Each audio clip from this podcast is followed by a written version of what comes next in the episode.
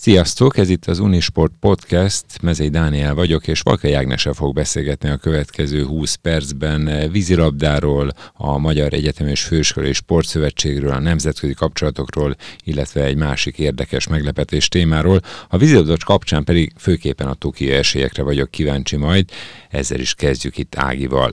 Itt vagy a vonal végén hallasz engem. Sziasztok, köszöntök mindenkit, igen, itt vagyok hallani. Örülök, hogy ez a beszélgetés összejön, és azért gondoltam, hogy beszélgethetnénk, mert közeledik az olimpia. A magyar női vízilabda válogatott például a múlt héten ugye az Amerikai Egyesült Államokban, illetve az Egyesült Államok válogatottja ellen készült a tokiai játékokra talán a legkeményebb ellenféle szemben két hát nagy különbségű veresség az edzőmeccsek végeredménye, de kérdezem tőled, hogy mennyire lehet ebből messze menő következtetéseket levonni, illetve baj-e, hogy a válogatott jelenleg az amerikaiaktól ilyen arányban kikap egy-egy felkészülési meccsen? Én azt hiszem, hogy alapvetően mindenki tudja, hogy az amerikaiak nem is egy, inkább két lépésről az egész világ, az egész nővízlabda világ előtt járnak, tehát nem meglepő, hogy igazából nem sikerült egyenlőre ellenük mérkőzést nyerni. Én azt láttam, hogy most a legutóbbi már egy, hát mondjuk, hogy szorosabb egy öt gólos vereség volt, de bíró a szövetség után azt nyilatkozta, hogy egyébként a játéképpen nagyon sokat javult, és egyébként meg elképesztően sokat számított ez az edzőtábor, nagyon sokat tudtak együtt készülni. És az, hogy az amerikai ellen tudtunk két hétig folyamatosan játszani edzőmeccseket és éles mérkőzéseket, amiket egyébként a hét televízió amerikai televízió is élőben közvetített, tehát ezek, ezek, ezek nagyon fontos dolgok egy, egy felkészülési időszakában. Ráadásul tulajdonképpen az kijelenthető ismerve az amerikai játék erejét, az, hogy a nagy tornákon rendre ők nyernek most már évek óta. Tulajdonképpen örülhetünk annak, hogy az amerikai válogatottal szemben készült a magyar csapat az olimpia előtti időszakban, nem? Ez így van. A, a magyarok szerintem nagyon szerencsések, hogy, hogy őket választotta az amerikai válogatott, mert nagyon sok európai csapat szívesen lenne most a helyünkben, hogy ezzel a két héttel ők is sokat hozzátársanak az olimpiai felkészüléshez. Úgyhogy én úgy gondolom, hogy nem is csak szerencsén, hanem a Bíró a csapat ezt ki is érdemelte ezt a meghívást, úgyhogy ez egy nagyon-nagyon értékes dolog lehet ott az olimpia hajrájában. Én azt gondolom, hogy ilyen értékes és ilyen színvonalú meccseket tudtunk az amerikai csapat ellen játszani. Rögtön fejes ugrottunk a medencébe, pedig te már tulajdonképpen nem foglalkozol úgymond napi szinten vízilabdával. Ennek ellenére azt hallom, hogy követed az eseményeket. Mennyire vagy jelen a sportágban, mennyire érdekel az, hogy mi történik mondjuk a női válogatotta, vagy a férfi csapatra, milyen ellenfelek várnak Tokióban? Hát az, hogy 20 évig az életem legszervesebb részét kitöltött a vízilabda, azt hiszem, az nem múlhat el nyomtalanul azért. Tehát, ha nem is napi szinten, de, de mindig olvasom a híreket, amikor tudom, hogy van valami esemény. Követem a lányokat, követem a klubéletet is egyébként. Tehát lányokat, fiúkat, azt is mondhatom, a fiú eredményeket is, a klubéletet, a nemzetközi kupák eredményét, eseményeit és hát a válogatottat meg egyértelműen mindig követem, tehát mindig azt keresem, azért rajtuk van, olvasom a, a Magyar Vízilabda Szövetség honlapját, tehát igazából teljesen képben tartom magam, mert hát azért nekem is egy, egy örök szerelmem marad a vízilabda, úgyhogy jelenleg most csak szurkolóként vagyok ennek részese, nagyon nagyon szurkolok a lányoknak, hogy az olimpián összejön végre egy érem. Még visszakanyarodva az olimpiára, Valkai Ágnes világos Európa bajnok vízilabdázóval beszélgettek. Ugye a női és a férfi tornán is négy-négy csapat jut tovább a csoportkörből a negyed döntőbe. És akkor itt érdemes elmondani, hogy a női vízilabda tornán a magyar válogatott többek között az Egyesült Államokkal, Japánnal, Kínával és Oroszországgal került egy csoportba. Talán, hogyha nincs ez a csoportbeosztás, lehet, hogy az amerikaiak nem velünk készülnek, nem? Mert így elvileg csak a végjátékban, a döntőben találkozhatunk újra velük. Logikusan gondolkodva valószínűleg igen, hogyha már negyed döntős ellenfélként összekerülhetünk volna velük, akkor azért valószínűleg nem minket választanak, mert azért az ilyen tornákon tényleg a negyed döntőnek van a legnagyobb szerepe és jelentősége és fontossága. Ugye aki ott győz, az éremért játszik, aki, aki ott veszít, onnantól kezdve kikerül az egész érdekes részéből a tornának, és, és onnantól kezdve a, a vigasztaló 5-8. helyre, vagy 5-12. akárhány csapatosa éppen a torna játszhat.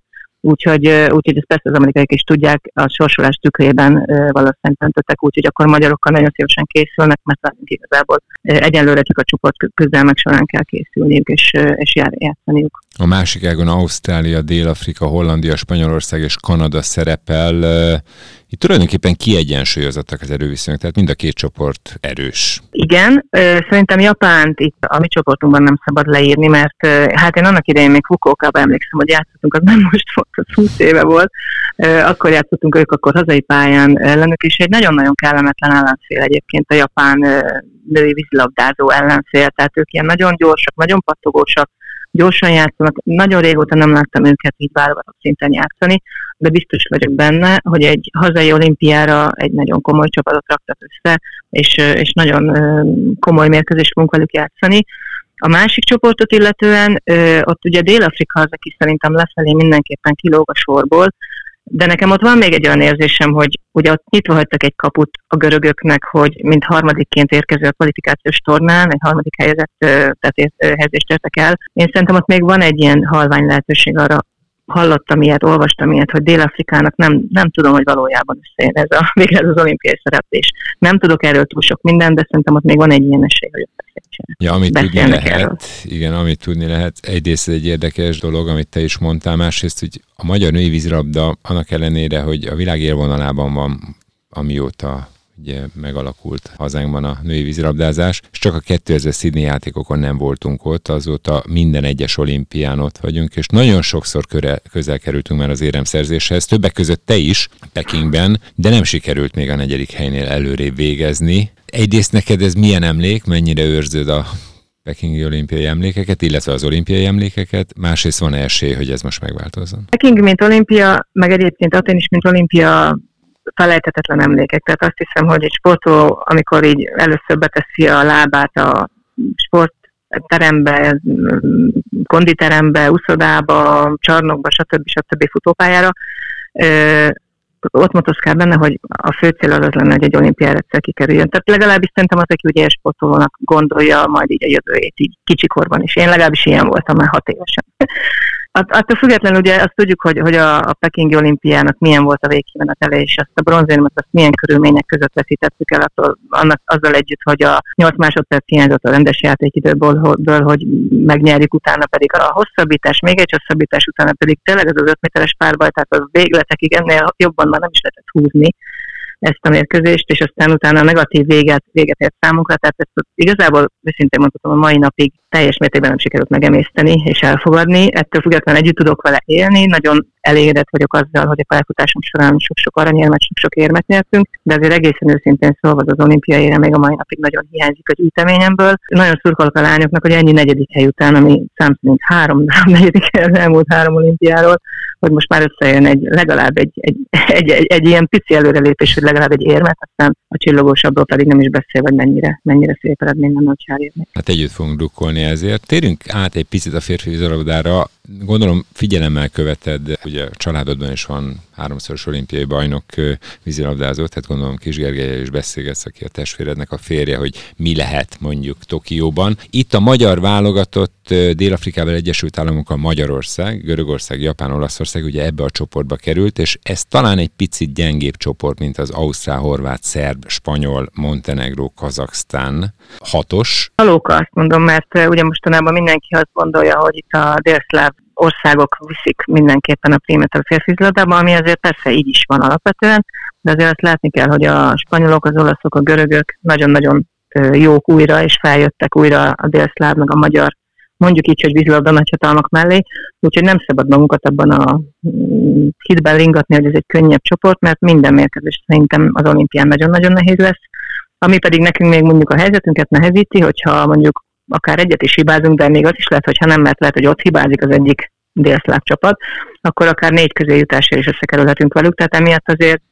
ö, szerintem úgy kell készülni az olimpiára, mint hogyha, tehát mint, mint, amit régen mindig mondtunk, hogy minden meccs egy döntő. Persze ott is a negyed döntő lesz a legfontosabb mérkőzés, aztán utána pedig a többi, de addig mindenképpen, úgyhogy gondolom, hogy majd már a szövetségkapitány is úgy fogja a formaidőzítést alakítani, hogy akkora jöjjön ki a legjobb forma, de, de attól független csoportmérkőzéseken is nagyon, nagyon oda kell figyelni, és egyébként szerintem tapasztalatom szerint akkor jöhet ki jó eredmény a csapatból, hogyha az egész tornán kiegyenlített és jó teljesítményt nyújtanak. Na hát a visszaszámlálás megkezdődött, és drukkolunk majd mind a két válogatottnak, a női és a férfi vízilabda válogatottnak Tokióban, és a felkészülés alatt, de ha már beszélünk, mivel foglalkozol mostanában? Mert azért kevesebbet hallani rólad. Említettem, hogy a Magyar Egyetemi és Főiskolai Sportszövetségben dolgozol. Pontosan ott mi a feladatod?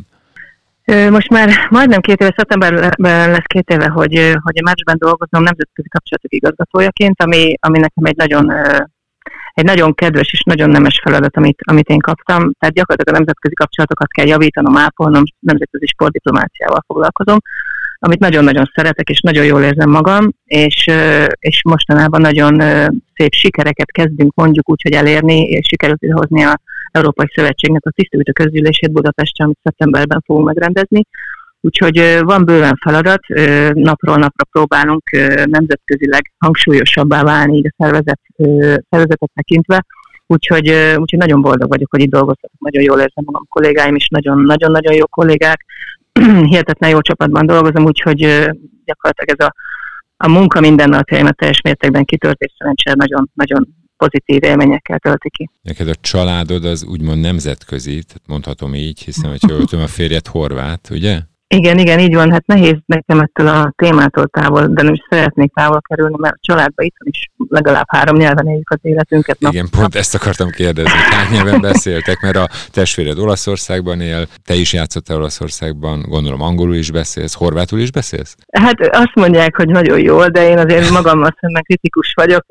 Az biztos, hogy nem lehetne most már engem Horvátországba eladni, meg a piacon most már tudnék azért vásárolni, de mondjuk közgazdaságra, meg napi politikáról nem szívesen beszélnék horvátul, de ettől függetlenül azért egy társadalmi szintet már el tudtam érni. Persze azon kívül beszélek angolul, meg olaszul, mondjuk úgy angolul folyékonyan olaszul, mert pedig csak nem anyanyelvi szinten.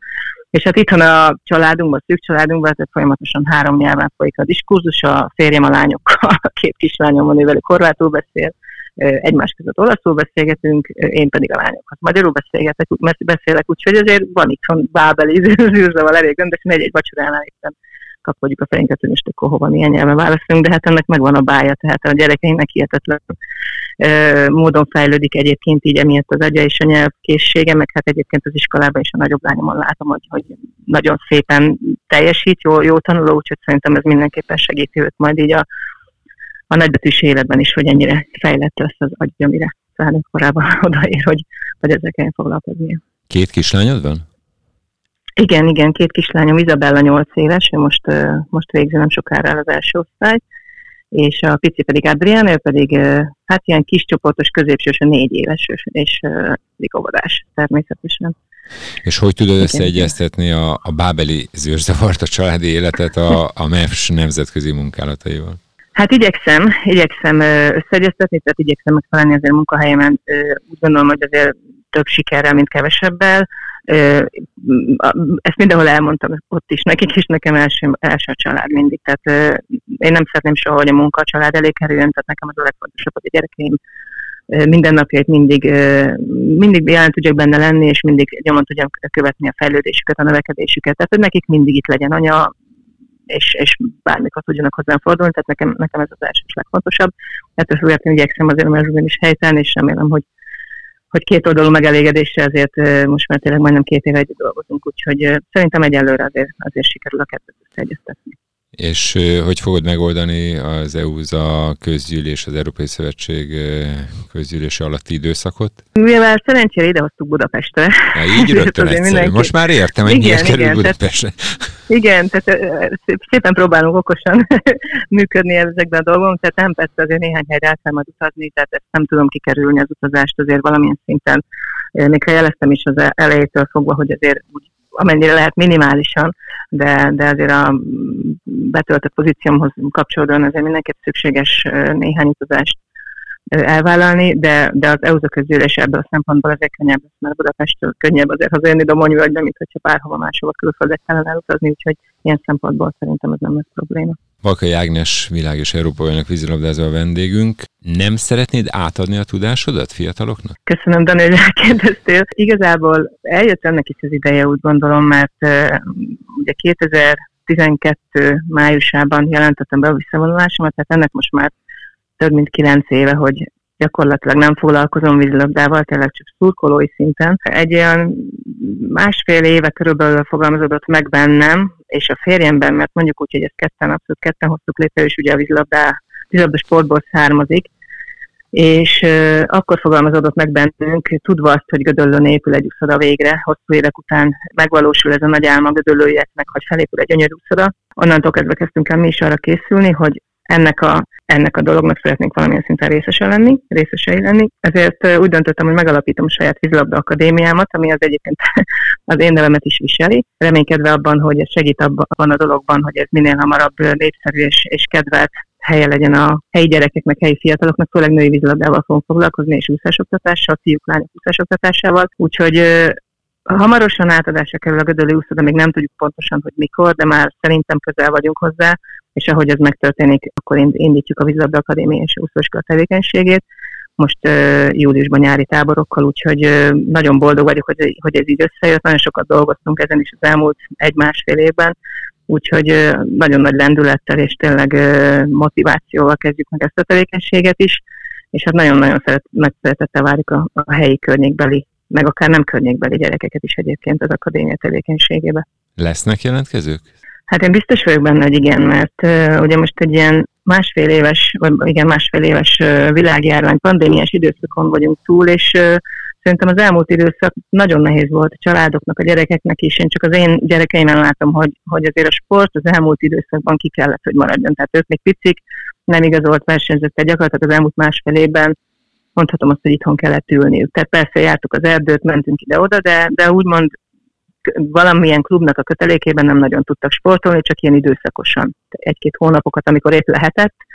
Úgyhogy én úgy vagyok vele, hogy ez nem csak a mi családi problémánk, ez, ez egyébként globális probléma. Tehát én úgy, úgy gondolom, hogy nagyon ki vannak éhezve a családok arra, hogy a gyerekek egy jó helyre tudjanak járni, rendszeresen sportolni, és mi megigyekszünk biztosítani ezt a nagyon jó helyet, ahova, ahova tényleg érdemes és egy, egy ilyen nagyon egészséges környezetet kialakítani nekik. Egyébként maga az épület gyönyörű lesz, ezt azért tudom mondani, mert egyrészt láttam magát az épületet, sőt a terveket is János János kiváló építész tervezi, tehát egy nagyon szép otthonba kerül a Valkai Ágnes Akadémia, ezek szerint ez lesz a neve, ugye? Hát a hivatalos nevünk Valkai Ági Vízilabda Akadémia és Úszóiskola.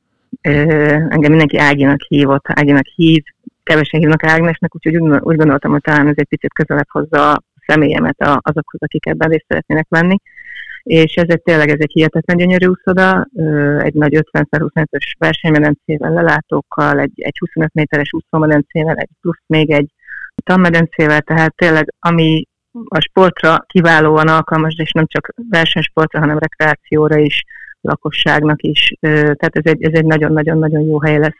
Szerintem az én akadémiámnak is, meg, meg minden helyi és környéken élő embernek, aki szereti a sportot. Ági, köszönöm szépen, hogy a rendelkezésünkre álltál. Én is nagyon szépen köszönöm a figyelmet. Valkely Ágnessel beszélgettem itt az elmúlt percekben, Mezei Dánielt hallották. Köszönöm, hogy velünk tartottak további szép napot.